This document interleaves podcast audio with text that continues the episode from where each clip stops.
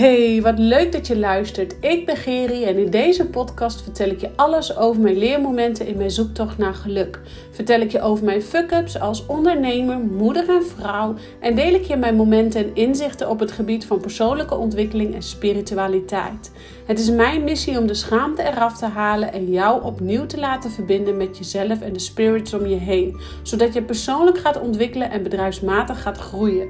Ik weet als geen ander hoe we soms door de weerstand heen moeten, oftewel met je bek door de drek, zoals ik zelf altijd zeg, om te worden wie je wilt zijn.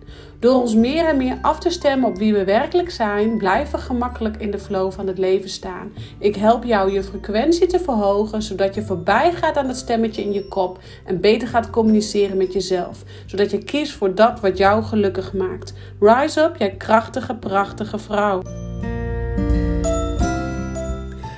Vandaag wil ik het met je hebben over de veiligheid binnen in jouzelf.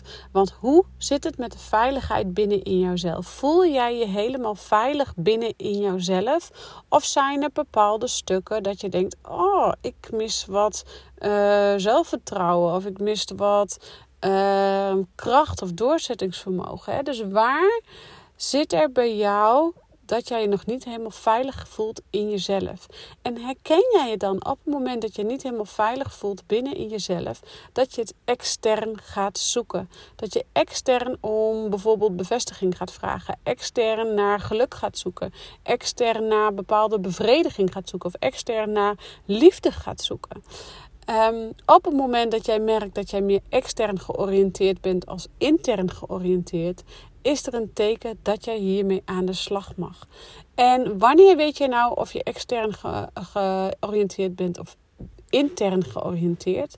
Op het moment dat jij extern bent georiënteerd en je bent bezig met een klus of een bepaald doel halen of je wil iets bereiken, 9 van de 10 keer haal je dan niet de voldoening die je eigenlijk had willen halen. Dus uh, je valt jezelf tegen, je stelt jezelf teleur of je haalt dus niet de voldoening die je had willen halen met het doel wat je had gesteld. Of je kunt het doel niet halen. En um, op het moment dat je dus intern die veiligheid dus naar binnen bent gekeerd en intern die, die, die veiligheid binnen in jezelf voelt, dan zul je gaan merken dat jij um, nou je wel gelukkig voelt of gelukkiger kan voelen. Dat jij tevreden bent met de dingen die je doet, dat je dankbaar bent voor de dingen die je doet, dat jij een focus hebt, dat je keuzes kan maken, dat je veel gerichter uh, te werk kunt gaan. En ik geloof erin dat we bij tijd en wijle afwisselen van veiligheid naar even geen veiligheid in jezelf voelen. Even veiligheid voelen en even geen veiligheid in jezelf voelen. Dat komt ook met name als je als ondernemer gaat groeien in je bedrijf. Dan ga je um, persoonlijk groeien. Dus dat betekent dat je ook meerdere malen uit je comfortzone gaat bewegen. Keer op keer weer uit je comfortzone gaat. En op het moment dat je uit je comfortzone gaat, dat is, gaat altijd gepaard met uh, spanning, onzekerheid. Um, nou, je niet helemaal veilig voelen. En het heeft er dus mee te maken met dat je nieuwe dingen gaat doen. En jouw brein herkent nog geen nieuwe dingen. Dus die vindt dat spannend, die vindt dat eng. En die voelt dan, hé, hey, ik voel nog niet helemaal de volledige veiligheid in mezelf om deze stap goed te kunnen maken. Hoe, waar komt dat eigenlijk nu vandaan? En um, ja, dit stuk wordt echt van generatie op generatie doorgegeven aan, aan ons. En je kunt het zo zien, vier generaties terug, dat was, toen was de oorlog. En in de oorlog was natuurlijk flink tekorten in alles. En er was ook gewoon geen tijd om uh, de kinderen liefde te geven, want er moest uh, overleefd worden. Dus uh, die ouders daar van kinderen, die um, konden niet echt hun kinderen de liefde geven die nodig was. Over het algemeen, hè, over het algemeen. Dus dan wordt daar een emotioneel uh, tekort gegeven. Dus de ouders waren emotioneel niet volledig beschikbaar. Je kunt je zo voorstellen dat dat misschien jouw overgrootouders zijn geweest. Dan hebben die natuurlijk jouw opa en oma gekregen. En jouw opa en oma die zijn dus geboren in de oorlog of net na de oorlog. En die hadden dus ouders die de oorlog hebben meegemaakt. Dus je kunt je zo voorstellen dat als daar al geen emotionele beschikbaarheid was, dat jouw opa en oma ook niet zijn opgevoed met emotionele beschikbaarheid. Dus het ook niet aan jouw ouders konden doorgeven dat hun überhaupt emotioneel beschikbaar zouden kunnen zijn voor jou. Met het gevolg dat jij als uh, volwassen persoon misschien wel hebt gemerkt dat een van je ouders niet, of misschien beide ouders, niet emotioneel beschikbaar was voor jou. Dus kortom, wij zijn, wij uh, de dertigers, de veertigers, de 5 tot 45 zo'n beetje, zijn van de generatie die patronen mogen doorbreken, die karma-stukken mogen doorbreken, die karma-lijnen, karma-shit mogen uitwerken. En wij leven dus in een hele andere maatschappij, waar dus waar dus gesproken wordt over emotionele beschikbaarheid. En waar wij onze kinderen juist dus wel die emotionele beschikbaarheid meegeven. Wij mogen dit patroon doorbreken. En je ziet ook al dat wij de kinderen alweer heel anders opvoeden als dat onze ouders hebben gedaan. En tuurlijk neem je altijd wel bepaalde tik over of eh, dingetjes over. Uh, maar over het algemeen voeden wij onze kinderen op op een hele andere manier met veel meer interne veiligheid. Dus je kunt je zo voorstellen als onze overgrootouders al geen uh, emotionele beschikbaarheid hebben meegekregen. Dat dus de kinderen op generatie op generatie op generatie en uiteindelijk wij dus ook uh, geen emotionele beschikbaarheid altijd even altijd met onze ouders hebben meegekregen. En dat is helemaal oké, daar kunnen hun ook niks aan doen. Het is gelopen zoals het gelopen en jij hebt als ziel, als mens daar ook voor gekozen om deze processen aan te gaan. Maar het kan dus wel mee te maken hebben dat jij bijvoorbeeld op het moment dat jij doelen stelt voor jezelf. Of uh, het moment dat jij misschien uit je comfortzone moet gaan binnen jouw bedrijf. Of op het moment hè, dat jij moeite hebt met keuzes maken. Hè, dus dat jij heel uh, continu bent aan jezelf vraagt: ja, wat maakt mij nu echt gelukkig? Of wat maakt mij nu echt blij? Of waarom voel ik me dan nooit zo dankbaar? Of uh, je bent continu de liefde buiten om jou aan het zoeken door, um, weet ik veel, uh, meerdere relaties snel achter elkaar te hebben. Of jij bent continu de bevestiging aan het zoeken bij de mensen om je heen.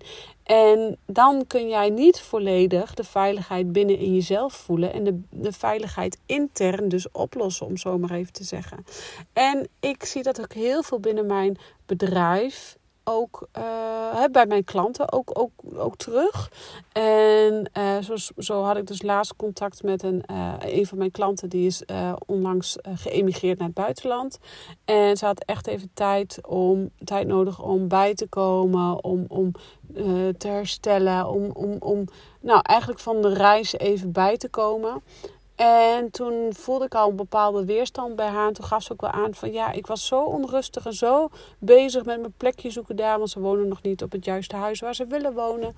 En toen zei ze op een gegeven moment, ja, ik kan het gewoon helemaal niet rust vinden. En toen kwam ze zelf eigenlijk al tot de conclusie, ja, dit is wel met innerlijke zelfliefde. En dat is het, innerlijke veiligheid. Want in die innerlijke veiligheid, daar ligt zelfliefde. En op het moment dat jij dus jezelf volledig kunt gaan vullen met uh, veiligheid binnen intern in jezelf en die innerlijke wijsheid, dan ga je, of de innerlijke veiligheid, dan ga jij veel sneller en veel gemakkelijker door bepaalde weerstand heen of door bepaalde blokkades heen. En dan zul je ook merken dat je minder extern georiënteerd bent. Want als je extern georiënteerd bent, ga je continu uh, maak je druk om wat anderen van je denken? Ga jij uh, continu de mening uh, aan een ander vragen, waardoor je geen keuzes kunt maken? Ga jij heel druk bezig zijn met het vinden naar bijvoorbeeld een woning waarin jij kunt verblijven? en kun je het maar niet vinden omdat dat je niet weet waar je goed aan doet. Omdat je dus die interne veiligheid niet voelt. Dus dan is onzekerheid veel ligt veel meer op de loer. Dan ligt keuzes maken, slechte keuzes maken veel meer op de loer. En je niet echt gelukkig voelen. Uh, dus eigenlijk kortom, je kunt niet de voldoening halen extern en het mag naar intern. En hoe doe je dat nou? Hoe ga jij je pijlen naar binnen richten? Hoe ga jij jezelf zo vullen met zelfliefde en veiligheid dat jij um, nou, je gelukkig gaat voelen intern, uh, jezelf gaat helen en intern die veiligheid gaat voelen. Dat doe je onder andere door uh, meditatie, door schrijven. Dat kan ik niet vaak genoeg benoemen. Maar aller, allereerst doe je dat door bewustwording. Het belangrijkste is dat jij je bewust gaat worden van de patronen die jij van uh, opa en en van generatie op generatie hebt meegekregen. Word je bewust van de patronen. Ze zeggen niet voor niets de geschiedenis herhaalt zich. Maar bij ons, in onze generatie, is het echt tijd dat de geschiedenis zich niet meer herhaalt. En dat wij de patronen gaan doorbreken. En je hoeft echt niet op alles te doorbreken, want we moeten ook wat werk overlaten voor onze kinderen. Uh, maar het gaat er echt om dat jij patronen gaat doorbreken. Dus word je bewust van de interne.